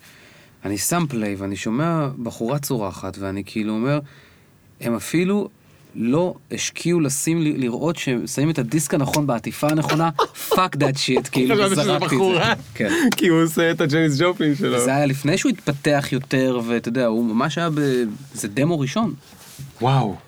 אה, וזה טוב שזה, וטוב שפספסתי את זה. איך אתה- איך אתה אומר דבר כזה? כי למדתי, למדתי, למדתי כן, להיות נכון. בתשומת לב. נכון. שמע, אני, אני... לא, אני באמת דווקא מנ- בגלל זה שאלתי, כי איך אפשר להיות בתשומת לב כשבאים אליך כל הזמן דברים כאלה, אתה יודע, זו אותה שאלה שאני שואל את עצמי, אה, עורך כלכליסט, או, או כל מיני אנשים כאלה שנמצאים במקורות, בצמתים שבהם בא אליך מלא דברים, ואתה פשוט הופך להיות יותר ויותר אדיש, כי אין לך באמת תשומת לב להכל. אז אני אגיד לך, אני חושב, מה שלא ידע, לא ידעתי את זה אז, אני יודע את זה היום, אה, אם אין לך איזשהו אה, מסלול, אה, נקרא לו אה, ערכי, מצפוני, רוחני, שגדול ממך, אתה תמצא את עצמך trapped בכל ההייפרוונטילציה של החיים האלה. בין אם זה אתה מנכ"ל כלכליסט, ובין אם אתה במרכאות כפולות סתם, לא סתם, כאילו מתכנת פשוט בחברת סטארט-אפ כלשהי. לא דיסרספקט חלילה למ- למתכנתים, כן, אבל כאילו לא משנה באיזה פוזיציה אתה, ולא משנה את כמות האחריות שלך, כל בן אדם נכנס לאיזשהו סוג של היפרוונטילציה מהלחץ של עצמו. אם אתה לא יודע איך עוצרים, כי זה צריך לדעת את זה, זה, זה ללמוד את זה ולתרגל את העצירה הזאתי, מה שאתה קורא, ב, ואומר את זה בצורה יפה, כל הטרנד של, לא טרנד, כל הקטע הזה של אה, undigitize, נכון? אם אתה, אני כשהייתי אז, הייתי ב, לא רק שנסחפתי לתוך שיגעת של עשייה והעולם, אתה יודע, כל הזמן היה urgent stuff to do, ברמה שבשבע בבוקר הייתי יושב בבית ביום שבת וכותב את הניוזלטר של החברה. אתה... אני נהייתי גם בן אדם מגעיל, מאוד. כי להיות בן 27 ולקבל אה, חברה שיש לה כמה מיליונים בבנק ולנהל את זה ולהיות אחראי על קריירות של מוזיקאים, זה ego trip מסריח מהשטן אם אתה לא יודע איך to tame it. ואני לא ידעתי. אז זה לא שכאילו הייתי באיזה קטע של אני יותר טוב מכולכם או אני לא יודע מה. זה היה קטע שכאילו אתה מרשה לעצמך להיות uh, שופוני שופוני כזה, ו-what do you know, אני בן 27 ואני מנהל חברה ו- get the fuck out of my face. זה הביא אותי להיות בן אדם שעד היום אני מאוד מצר עליו, על הבן אדם שהייתי אז. כי זה... כי לא ידעתי איך לשמור על עצמי. באמת, אף אחד, לא, לא היה לי אף אחד שיבוא ויגיד לי, דוד, אתה, ב, אתה ב ego trip, או אתה... שים לב שאתה צריך לעצור. בגלל זה אני כאילו מאוד מאוד נזהר היום לא להיכנס למקומות האלה. לא בקטע ש... כאילו, זאת אומרת, תביא לי עכשיו לנהל בחברה, נניח שזה היה מעניין אותי היום, אני משוכנע שהייתי מוצא את עצמי באותה היפרוונטילציה, אבל אני עושה את זה ממקום אחר שהכוונות מאחוריי היו שונות. כי אני כל הזמן מחזיר אותך, אותך ואת השיחה הזאת לגרעין, ממה אתה יוצא לדרך. מה שאתה יוצא לדרך זה הכוונה, של, הכוונה שמאחורי הדברים. אז תגיד לי משהו. שאלה שאני חושב שמעסיקה מלא אנשים. כן. אני פשוט עוד אה, מרצה את המאזינים שלי, זה היה לפני שהקלטתי איתך אה. פודקאסט, אני אחרי זה אני אחזור על הפודקאסט ואנסה לרצות אותם פחות. סתם, שאלה שמעניינת, עניינה אותי שנים. אוקיי. איך לעזאזל אה? אתה יודע מה הכוונתיות שלך? מה הדבר הזה שאתה מתכוון אליו? איך אתה מגלה את זה? הרי בן אדם, אין שום עצירה בחיים, בוא נגיד ככה, אם אתה לא במקרה קראת את הספר הנכון, או ה-14 ספרים הנכונים, בזמן הנכון, mm. או בזמן כלשהו, ואתה, אתה יודע, נסחף בתוך אה, החיים, איפה שהחיים אה, זה ההורים, הבית ספר, הצבא, mm-hmm. הזה, הטיול, העבודה, הזה. אין אף אחד שאומר לך, וואו, וואו, וואו, עצור שנייה. כן. תגיד, מה הערכים שלך? האם אתה יודע מה הערכים שלך? האם אתה עושה דברים ש- שהם קשורים לערכים שלך? כן. זה בעצם כאילו שאלה שאין... שום, נקרא לזה, גוף, מוסד, מישהו שכאילו באמת מתעניין בו, ואז רק כן. מי שבמקרה נכנס לכל מיני, או עובר משבר, או קרא איזה 14 ספרים זה, הוא חושב על זה ואז הוא זה, אבל... Uh-huh. אז איך, איך בכלל מגלים את זה? כאילו, איך אתה גילית מה... מה הכוונת שלך? מה, מה הדברים שרוצים להוביל אותך? הכוונות, כשאני מדבר על כוונות, זה לאו דווקא... השאלה שלך כאילו יוצא מנקודת הנחה שהכוונות הן איזשהו מסלול, אה, איזשהו קו ליניארי ארוך. ואני מדבר על כוונה רגעית. זאת אומרת, שאם אני בא ואני מדבר איתך עכשיו בשיחה הזו ממש, אני, תוך כדי שאני מדבר, או כשאתה מדבר, אז אני מרשה לעצמי ש... להקשיב לך שלושת רבעי אוזן ורבע אוזן, להיות עם עצמי רגע, לשים לב שאני לא מטיף לך על איך לחיות את החיים. או למאזינים איך לנהל חיים נכונים יותר. אני באמת מנסה לשים לב לזה. כי הגבול הדק שבין להיות פריצ'ר uh, לבין לספר לך את הסיפור האישי שלי ותפיסותיי הוא גבול מאוד מאוד דק. Mm-hmm. זו כוונה. אז זה לא שאני מסתובב בעולם עם כוונה של איך לא להיות פריצ'ר באופן כללי תמיד. אני מנסה לבדוק את זה ברמה הדקתית עד כמה שאפשר. מכיוון שאנחנו, לצערנו, לא, לא גרים במנזר, ואנחנו אנשים מערביים, ואנחנו חשופים לגירויים, והגירויים האלה מעלים לנו את כל הדפוסים שלנו, את הקנאה מצד אחד, ואת הצרות מצד שני, ובלה בלה. יש לך הרבה מאוד אתגרים, אבל כל האתגרים האלה הם גם הזדמנויות להתעורר פעם בשנייה. ככה אני רואה את החיים שלי היום. זאת אומרת, אין לי, קו... אין לי ערכים. הערך היחידי שלי הוא הערך הראשון בתורה, הוא אהבת לרעך כמוך. זה הכל. כי אם אהבת לרעך כמוך, אם אתה אוהב את הרע כמו שאתה אוהב את עצמך, ואתה, ואתה אוהב את עצמך כמו שאתה אוהב את הרע שלך, אתה לא יכול... nothing can go wrong. אם יש אהבה בהד... בתוך ההדדיות בינך לבין מי שאתה איתו ביחסי גומלין, לא משנה אם זה הירקן או הבת זוג שלך, זה מוליד את הכל. כל תרי"ג המצוות האחרות נגזרות משם. תגיד, לא... מאיפה אתה מבין בתרי"ג מצוות? אני לא. אני, כל המצוות שאני מכיר, וזה היה מה שרציתי okay, לסייג, okay. ואני אומר לך את זה בתור בן אדם שהוא לא מכיר את תרי"ג המצוות, אבל כל פעם שאני נתקל בחוק תנכי או חוק, נקרא לו תורתי לצורך העניין, אני מחפש את המשמעות המנטלית שהיא או אדם, בן אדם למקום, לעצמו, לאלוהיו, שאלוהיו זה עצמו בעיניי, או לחברו. ואז אני פשוט גוזר, אני פשוט אומר, אוקיי, איך הדבר הזה קשור, איך הוא נכנס לתוך אהבת לרעך כמוך, ואני כן. מוצא את זה, תמיד. כן. וזה, אתה יודע, אני עכשיו עם, עם חרב, אני עושה אירוע שנקרא, אני, אני, יש אירוע האזנה של חרב, של האלבום שלי, שאני מחלק לאנשים אוזניות אלחוטיות וכיסויי עיניים, ואני, ביחד אנחנו 40 דקות שומעים את האלבום, ואז אנחנו מדברים על האלבום ועל היצירה וכולי. זה נולד מתוך זה שהאלבום הזה, אני לא יכול לבצע אותו בהופעה חיה. זה 40 דקות ברצף, כן, 37 דקות. שבהם אנשים יושבים עם כיסויי עיניים. ואוזניות אלחוטיות ושומעים את האלבום. תכף נדבר על זה אם אתה רוצה, אבל מה שרציתי להגיד זה ש... שם אני מדבר בעצם על העניין הזה של הבחירות. שהבחירות שאתה עושה בחיים הם אתה, נכון? מהמם. המעשים שלך זה אחלה, אבל הבחירות שלך בפועל, דברים שאתה עושה, הם, הם הדבר האמיתי. אם אתה בוחר, סתם, היום כתבתי פוסט על אה, שימוש בכלי, פ- בכ- בכלי פלסטיק, כאילו, אה, ומחזור של פלסטיק ובלה בלה בלה. אם אתה בוחר להתייחס לכדור הארץ בתור בת זוג או חבר, או בתור משהו שאתה מקיים איתו יחסי גומלין ולא איזה משהו אמורפי, ואתה אוהב את הרע הזה כמו שאתה אוהב את עצמך, הבחירות שלך יהיו מטיבות עם כדור הארץ, נכון? כי אתה תרצה. רוצה להטיב עם האהוב שלך באותה מידה, נכון? או אם לאכול חיות או לא לאכול חיות, או אם לבחור בפוליטיקאי כזה או בפוליטיקאי אחר כי אתה חושב שהוא יטיב או לא יטיב, או אם הוא יבחר בשלום, או האם הוא יבחר במלחמה. זה כל האסנס של הכוונות שלי.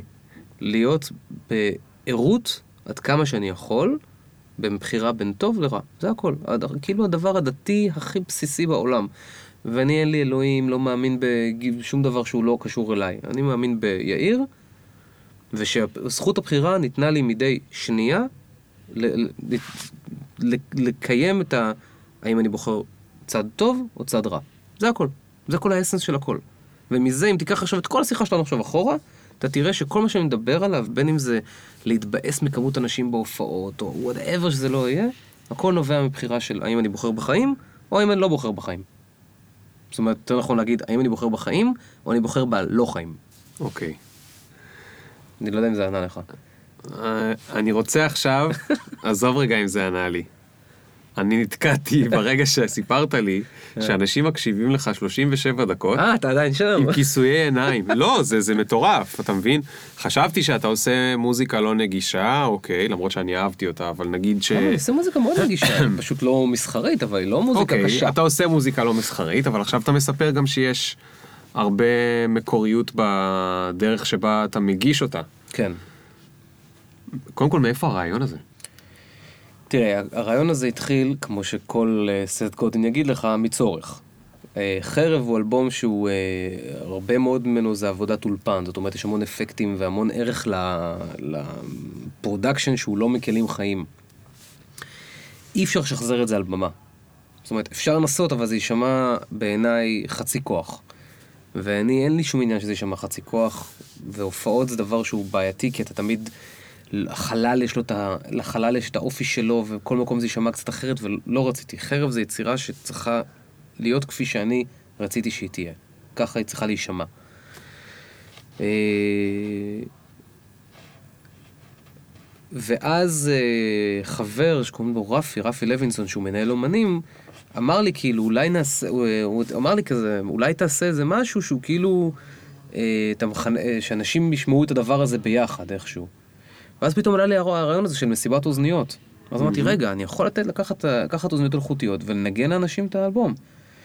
רגע, יכולת גם בלי אוזניות, יכולת לנגן להם את המק- את האלבום ברמקולים. יפה, אבל אה, זה התחבר לרעיון קודם שהיה לי, שזה לעשות הופעה עם כיסויי עיניים, שהקהל נמצא עם כיסויי עיניים.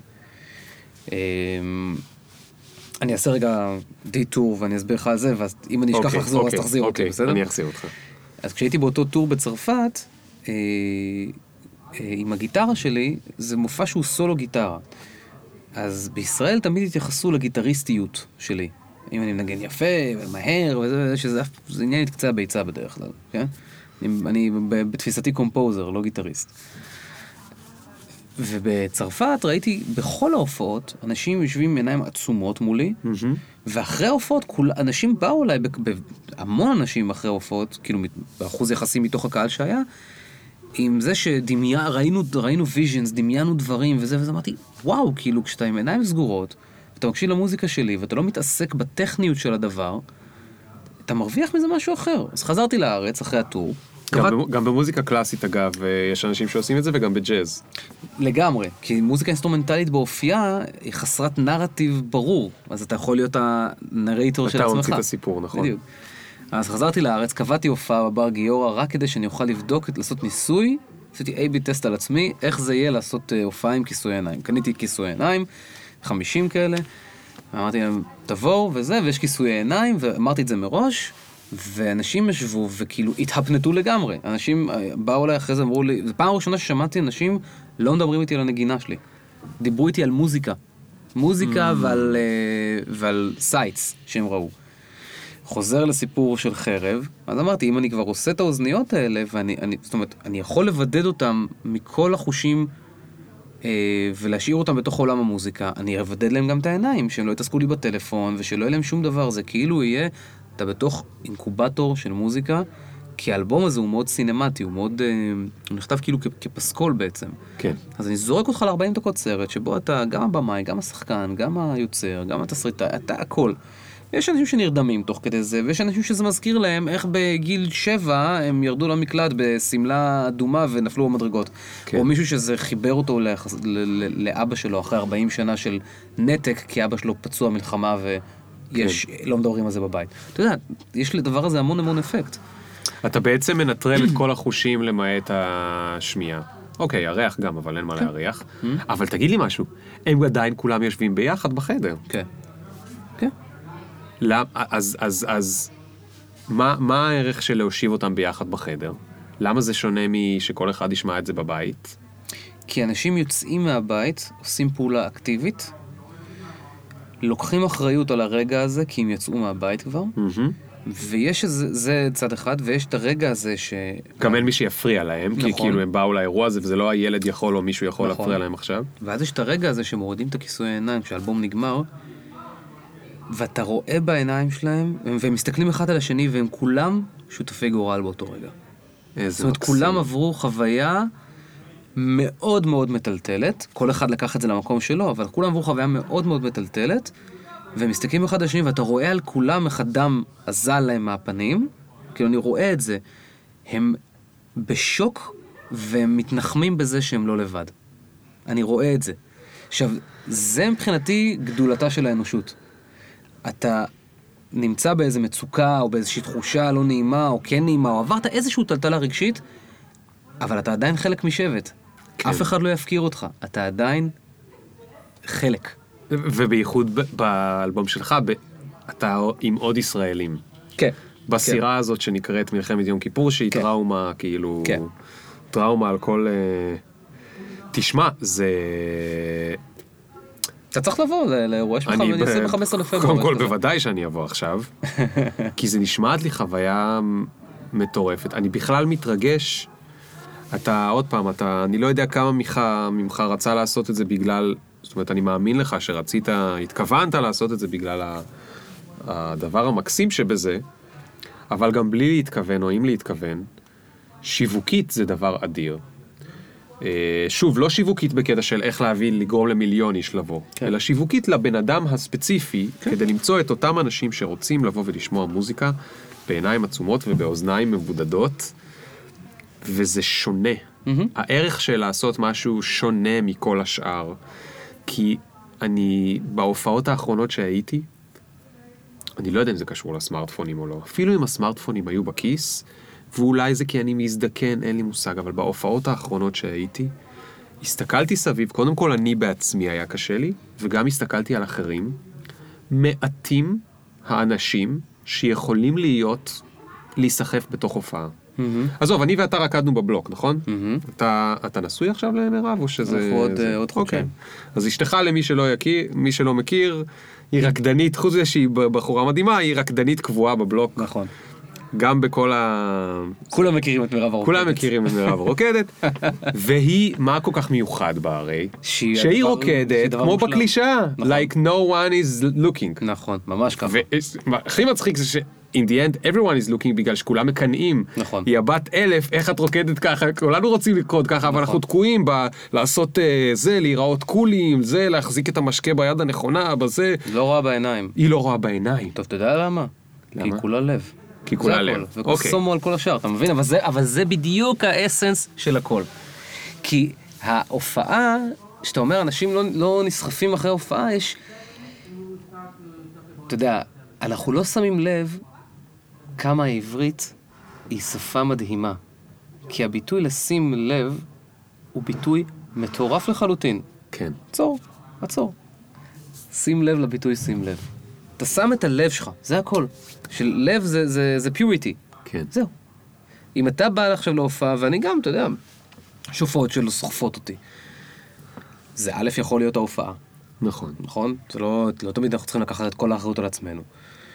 אבל אם אתה מסוגל בתוך ההופעה לעשות לעצמך בדק בית לרגע ולהגיד האם אני מוסך כרגע בדעותיי, או האם אני מפוקס, ואם אתה אומר, אני, כן, אני מרגיש שאני מפוקס, וההופעה לא עובדת לי, fuck it. אוקיי, אבל זה בדרך כלל לא המצב. בדרך לא כלל זה... נכון, לא נכון, בכלל לא. לא, אולי אצלך. אבל אני חושב שאצל הרבה אנשים אני מוסך. קודם כל, כי לא, אני לא, לא רגיל... השאלה, עצמ- לא, לא נדבר על השאלה העצמית, יכול להיות, באמת יכול להיות המון פעמים שה- שהמוזיקה שקורית על הבמה, היא יכולה להיות מוזיקה נפלאה, אבל מי שמבצע אותה לא נמצא עם הלב שלו על הבמה. אוקיי. אתה מבין, כשניל יאנג שר את Like a Hurricane, בפעם הטריליארד שלו בערך, הטריק שלו זה שהוא מדמיין, לפחות זה מה שהוא סיפר בעבר, אני מניח שזה איזשהו דרך שלו לא להתמודד עם קהל, הוא מדמיין שכל הקהל והוא נמצאים בסלון הבית שלו. אוקיי? זה לב, זה, זה, לב, זה לב בצורה מאוד מאוד ספציפית, כי אם הוא היה אומר לעצמו, היי, אני ניל יאנג ואני עומד עכשיו מול 200 אלף איש, אין שום סיכוי שהוא יכול לקחת את זה בצורה כל כך לבבית כמו שהוא לוקח את זה, כן. את השירים שלו. אתה מבין מה אני מתכוון? כן. אז יכול להיות סיטואציה שאני הייתי שר את השירים של ניל יאנג, אבל לא הייתי שם את, לא הייתי יכול להיות הלב של ניל יאנג באותה מידה. אתה מבין? זה לא בהכרח קשור למוזיקה, זה קשור לאנרגיה. אתה מקיים חלק אנרגטי כקהל, והמופיע מקיים חלק אנרגטי, אנרגטי כמופיע. נכון. וההדדיות של זה יוצרת את הפיצוץ האטומי. לא, אני עדיין רוצה לדבר על הקהל, לפני הפיצוץ האטומי. אני לא אוקיי. אוותר לך. סבבה. אני לא אוותר לך כי אני אומר לך ש... אני אקח את זה רגע לקיצון. כשאנחנו בני, כשהיינו בני 16-15, Mm. כל ההופעות עבדו לנו. כמעט כל ההופעות עבדו לנו. אוקיי. למה? כי היינו יותר אמוציונליים ויותר זה ויותר זה, ובייחוד כי זה ריתק אותנו וכי נתנו לזה תשומת לב מטורפת. נכון. עכשיו, ככה, לפני ההופעה פגשנו את כל החבר'ה, ראינו אותם וזה, אז אנחנו יודעים שהם נמצאים, אז פתאום זה מקום חברתי שבו פתאום זה חשוב מה לובשים ומה עושים ואיך מת- מתנהגים וזה. דבר שני, אנחנו רגילים להיות עם הדבר הזה שהוא בכיס שלנו, רגילים להיות איתו ביד פעם בשתי דקות. פתאום הוא עכשיו בכיס שלנו לשעה וחצי. מאוד מוזר. דבר שלישי, אנחנו כבר רגילים גם שאם קורה לנו משהו נהדר, חס וחלילה נגיד יש עכשיו שיר שאנחנו נורא אוהבים, הצורך האנושי הבסיסי שלנו, שהפך להיות צורך אנושי בסיסי, במקור הוא לא צורך אנושי בסיסי, הוא מיד לתעד את זה ולהעלות את זה לאיזה רשת חברתית. בימינו, אני מצטער שאני מערבב לך את זה עם צורך אנושי בסיסי, אבל היום זה צורך אנושי בסיסי okay. של אנשים, אפשר להתווכח אם הוא טוב או רע, ואתה יודע את דעתי, אבל זה צורך בסיסי של אנשים, כי אנשים מתנהגים כאילו זה הדבר שהכי חשוב, הם מוכנים בשביל זה, אתה יודע, ליפול מסירה למים, כדי לקחת את השוט, ה... את השוט הזה. והמחשבות שיש, אתה יודע, אני רואה את, ה, את זה שעומד עם הטלפון, והוא עומד, 20 דקות הוא עומד, אוקיי? הוא מחכה לשוט, ה, לשוט הזה, או אם הוא היה וידאו, הוא אומר, אה, אני מקווה שהשיר הבא זה השיר, שכאילו כולם, אם הם ידעו שאני הייתי בהופעה והיה את השיר הזה, עכשיו אני שיחקתי אותה. זה יביא את ה-70 לייקים. איך אפשר להיות ככה בהופעה? ובגלל זה, מבלי בכלל שאתה התכוונת, זה כל כך מקסים בעיניי, זאת אומרת, לא רוצה להגיד עכשיו לא התכוונת, כי אני כבר מזובר עם הכוונות פה, כן? אבל זה מקסים בעיניי, שאתה אומר להם, חבר'ה, הבנתי, אתם קשה לכם, וזה עכשיו, זה כמו בפודקאסט הזה, ששנינו כאילו עם הטלפון שקט והפוך איפשהו, אה? יש לכם עכשיו 37 דקות, תיכנסו לדבר הזה, לא הייתם עושים את זה בבית, תודו. פה אתם באים לעשות את זה כאילו במיוחד. וזה דרך אגב- תתחברו ל- לפעם, תתחברו למה ש... זה גם מה שאנשים אומרים. לאבותינו. זה גם מה שאנשים אומרים לי כל הזמן, זה כמו שהייתי מקשיב למוזיקה פעם. זהו. ואני מנסה להם את החוויה, את הח- עוזר להם להחזיר את החוויה הזאת, ואתה יודע, יכול להיות שכל אחד מהם מפה והלאה יקדיש לעצמו חצי שעה בשבוע להקשיב למוזיקה בצורה כזאת, עם עיניים סגורות ועם אוזניות. כן. אני, אני מסכים איתך שאני חושב שחבל שהאנושות לא מסוגלת להיות אה, בשקט עם עצמה. אה, כי האקשן קורה ב gap שבין המילים בעיניי ובין הנשימות. אבל אה, זה תהליך אבולוציוני שאנחנו כל כך צעירים איתו שאנחנו לא יכולים לבחון, לא יכולים לבחון האם זה יהיה מתישהו יגיע למיאוס כללי בקרב האנשים והם יחזרו להיות כמו פעם. אתה לא יכול לדעת. נכון, עכשיו זה, עכשיו זה כאילו, זה חבל. אני לא חושב, אני לא חושב שזה יגיע לשם. אבל, אבל אתה יודע. אני חושב שכאילו אם בן אדם, אם, יש בזה גם משהו שהוא במקום מסוים גם יפה, כי אתה, כי בן אדם יכול להיות חלק לא רק פסיבי בהופעה. זאת אומרת, אם אני המתעד של הביצוע הכי בן זונה ש... שמישהו עשה באיזושהי הופעה, אז אתה יודע, נתתי משהו לעולם שכאילו לא היה שם לפני כן. יש קליפ, הקליפ הכי טוב בעיניי, או אחד הכי טובים לצורך העניין, בין הקליפים הישראלים ביוטיוב, זה קליפ שרואים, אה, ש... זה קליפ שאביתר בנאי שר את אה, כוכב של אסף אמדורסקי. זה בהופעה ברידינג, צריך לחפש את זה, כוכב כן. זה ברידינג. עכשיו, יש שם קטע שאביתר בנאי, הוא- אתה מכיר את השיר הזה כוכב? תן את ימיך, כן, כמו. טבעת יהלום. אה, זה מהאלבומים הטרנסים. מנויים שקטים. כן. לא, לא טרנס. אה, לא, זה, הוא שר שיר של אסף אמדורסקי. כן. אוקיי, נכון. אה, ואביתר בנאי, אתה יודע, יש כזה פתיחה נורא אלק- אלקטרונית מגניבה כזאת, עם מלא בסימפולים, ואז יש כזה מעין כזה break, ואז אביתר בנאי נכנס כזה, תן את ימיך, ואתה רואה את העיניים שלו עצומות, ואתה מרגיש כאילו fucking אלוהים נכנס בו באותה שנייה, אתה מרגיש את הבן אדם מכויל באלף אחוז עם עצמו ועם הטקסט שהוא שר. אני מודה לאלוהים על מי שתיעד את הרגע הזה. ועל זה שהוא היה מספיק, במרכאות, אה, לא לא בתשומת לב. או whatever. כן. אתה מבין? אז כאילו יש בזה, יש בזה גם את התועלת של זה. זה... כאילו, זה- לא, אבל אבל אם תבין, זה אני לא מתווכח. לא, אבל אני רוצה- שתבין, זה- זה- אני אומר את זה כי- כי הקליפ הזה, זה קליפ שבתקופותיי הקשות ביותר הייתי חוזר אליו. זאת אומרת, זה היה מבחינתי אה, באר, באר ל- באר ל- לטוב, לאהבה, ל- לאנרגיה שאני, להשראה. שאומר, יכול- יאיר, יכול להיות לך טוב גם בעולם הזה. אתה יודע, בתקופות הכי נוראיות שהיו לי. מה מה היו התקופות הכי נוראיות האלה? היו- היו תקופות נוראיות. אוקיי. אה, אה, אבל אה, אני חב, חב את אה, שיפור המצב רוח שלי לאותו בן אדם שלא שם לב. אתה מבין? זה לא רק תיעדתי בהופעה, אתה אשכרה, you contributed something to someone, מעבר רק לתיעוד של הופעה. זה לא יכול לדעת אף פעם לאן זה, לאן זה יתגלגל. אני כל כך אוהב את האופטימיות שלך, וואו. זה כל כך לא, אתה יודע... אוי, זה כל כך מדהים, אתה, איך אתה מצאת בכוס הזאת, שזה לא חצי, זה, יש שם איזה טיפה אחת מלאה, אתה מצאת את הטיפה המלאה. זה מדהים, זה מקסים. אתה רוצה שאני אגיד לך שתמיד הייתי ככה? לא. הייתי הייטר, ציני ואגומניאק לא קטן. מה, מה שינה אותך? אה, מה ש... אתה רוצה את התשובה האמיתית? חוץ מזה שעכשיו אתה גר עם מירב, אז כנראה שזה לאורך זמן זה רק יהיה עוד יותר. זה, קרה באותה, זה קרה באותה תקופה, האמת. אה, מה ששינה אותי זה MD. אוקיי. לא מאמין לך. כן. אני באתי לבלוק, בפעם הראשונה שהלכתי לבלוק, באתי כי נגררתי, והייתי במערכת יחסים שפחות היטיבה איתי, דאז, ופגשתי את מירב, אז לא בקטע רומנטי בשום צורה, היא פשוט הי- הייתה... לא משנה, קשר משפחתי אה, מרוחק כזה, לא משנה, ולקחתי MD פעם ראשונה, וראיתי, אה, נפתח לי צוהר לאושר שלא ידעתי שיכול להיות קיים בחיים של בן אדם. עכשיו, כמובן שזה אושר של כימיקל, אבל זכרתי ש... שהתודעה שלי נגעה בו, ורציתי ושאפתי להגיע למקום הזה שוב. זאת אומרת, אמרתי לעצמי, אני רוצה... זה קיים בי האושר הזה. הסם לא המציא לי משהו, הוא פתח לי חדר, הוא פתח לי דלת. אחר כך הבנתי שמה שקרה בעצם, זה מה שקורה להמון פצועי מלחמה. שה-MD מהווה להם אה, תרופה לפוסט-טראומה, ואני סוחב איתי פוסט-טראומה מהצבא. וזה כאילו הזיז את הקופסה שלי בכמה מעלות הצידה, ומשם I never looked back.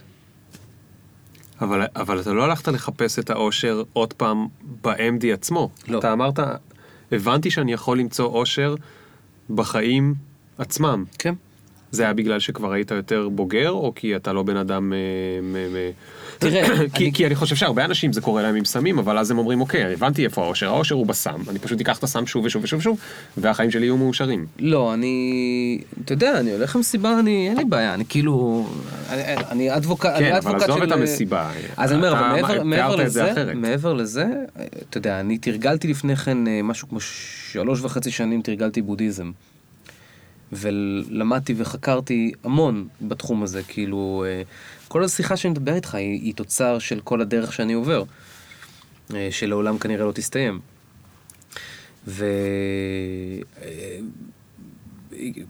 וברגע שנפתח לי הצוהר הזה, אז אני לא יכול להסביר את זה, זה החיים לא חזרו, אתה יודע, אתה לא, לא חזרתי הביתה אף פעם. לא חזרתי לבית ההוא אף פעם, זה כאילו נשרף לי הבית ההוא, והתחלתי לבנות בית חדש. ופשוט הרגשתי שאני עושה צעדיי הראשונים בעולם שוב.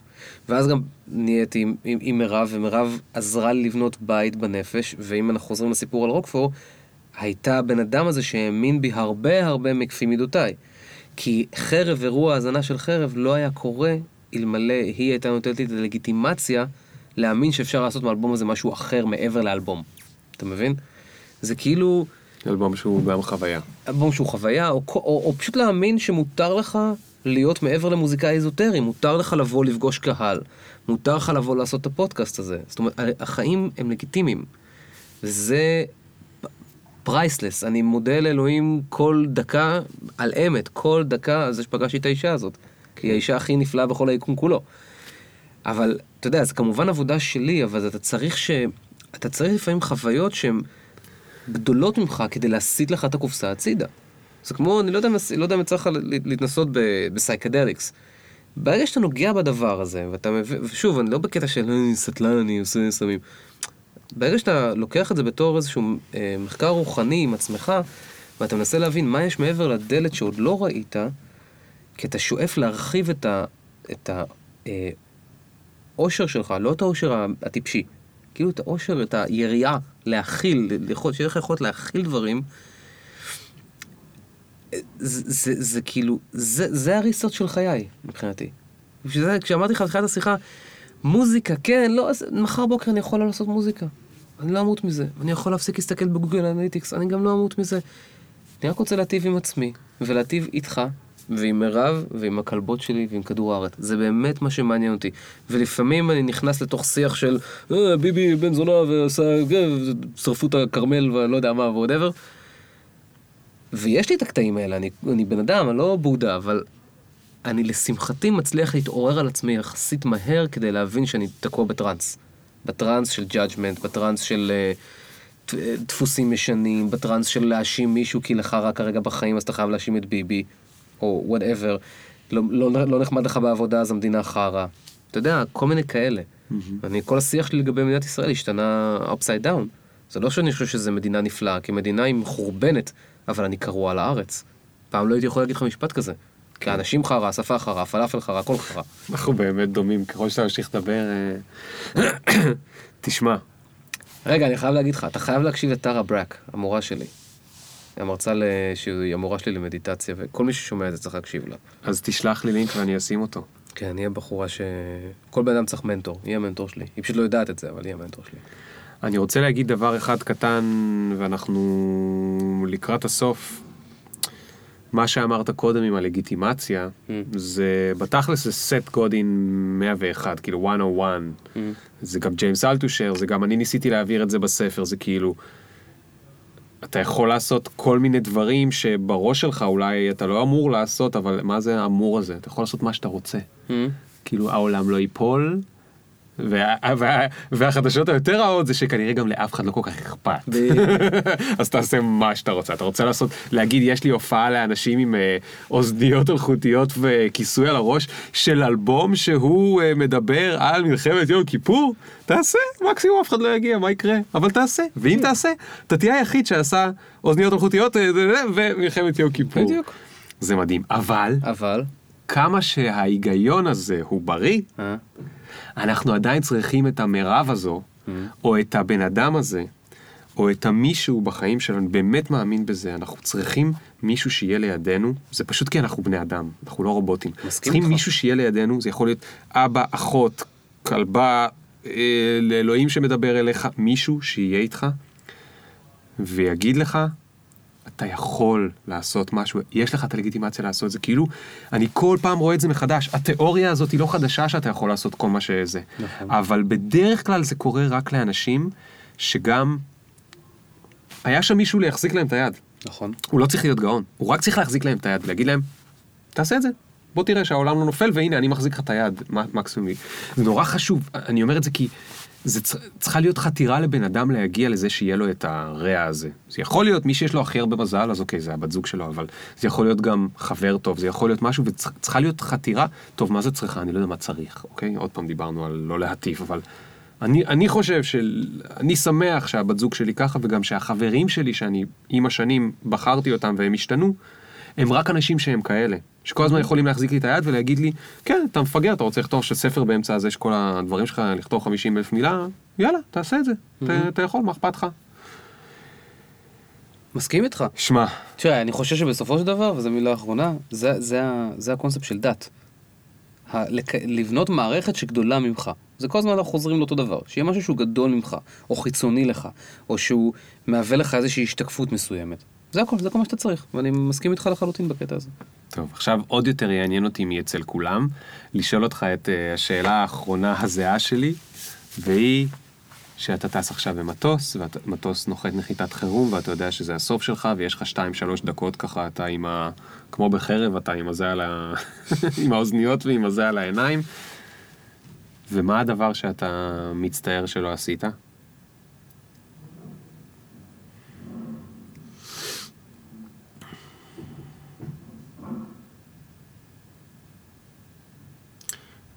אני מצטער שלא... זה רק אתה מכריח אותי עכשיו. אני לא באמת מרגיש את הצער הנבער. כי אתה לא נופל עכשיו ממטוס, אבל דמיין שאתה עכשיו נופל ממטוס.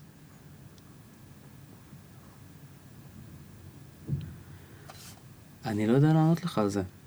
אני באמת נמצא במ- במקום בחיי שאם אני נופל ממטוס, אני אומר לעצמי, היה שווה. Swear to God. תביא חיבוק, אבל- תביא חיבוק. אבל, אבל אוקיי. אם, זה, אם אני לא נופל ממטוס וכאילו החיים הרגילים, אז אני יכול להגיד לך שאני קצת מצטער על זה שלא למדתי מוזיקה בגיל צעיר יותר, כי היום אני לא מסוגל ללכת ללמוד את זה. זאת אומרת, אני, אוטודידקט, אני לא למדתי, אני לא יודע תווים, אני לא יודע כלום. יש לי את האוזן, אבל אני לא יודע מעבר לזה כלום. יש לי את הצער שלא למדתי בשלב יותר מוקדם, ומצד שני, זה שלא למדתי אף פעם כלום, אפשר לי לשבור חוקים כי לא ידעתי שהם קיימים. אז הרווחתי מזה, אז אתה יודע. תודה רבה, יאיר. ג'ה, תודה לך. המון המון המון המון תודה, תודה לכם שהקשבתם וכיף שאתם פה. אתם הדבר היותר גדול שאני עושה מעצמי. אה, אני רק אספר לכם שהדבר המרגש ה- הקרוב שקורה זה שהספר שלי הולך להיות מודפס באלף עותקים, yeah. שמגיעים אליי ממש בימים הקרובים. הם הולכים לסתום לי את המשרד, למרות שהרשימה של אלה שמזמינים הולכת וגדלה, אבל עדיין הולכים לסתום לי את המשרד, אז אתם גם uh, תקבלו לזה את הלינק ברגע שהלינק יהיה באוויר, ותוכלו לקנות אותו אם אתם רוצים. ואם לא, אז תמשיכו להקשיב לפודקאסט, ואני אשלח לכם את הניוזלטר, ויהיה ממש ממש ממש ממש כיף. 2017 הולכת להיות מדהימה. בואנה, זו הולכת להיות שנה מטורפת. מטורפת, מטורפת. יש שיר כזה. של- זומביז, This will be our year. תקשיבו לזה. זומביז זה בדיוק כזה. יאללה, ביי חברים.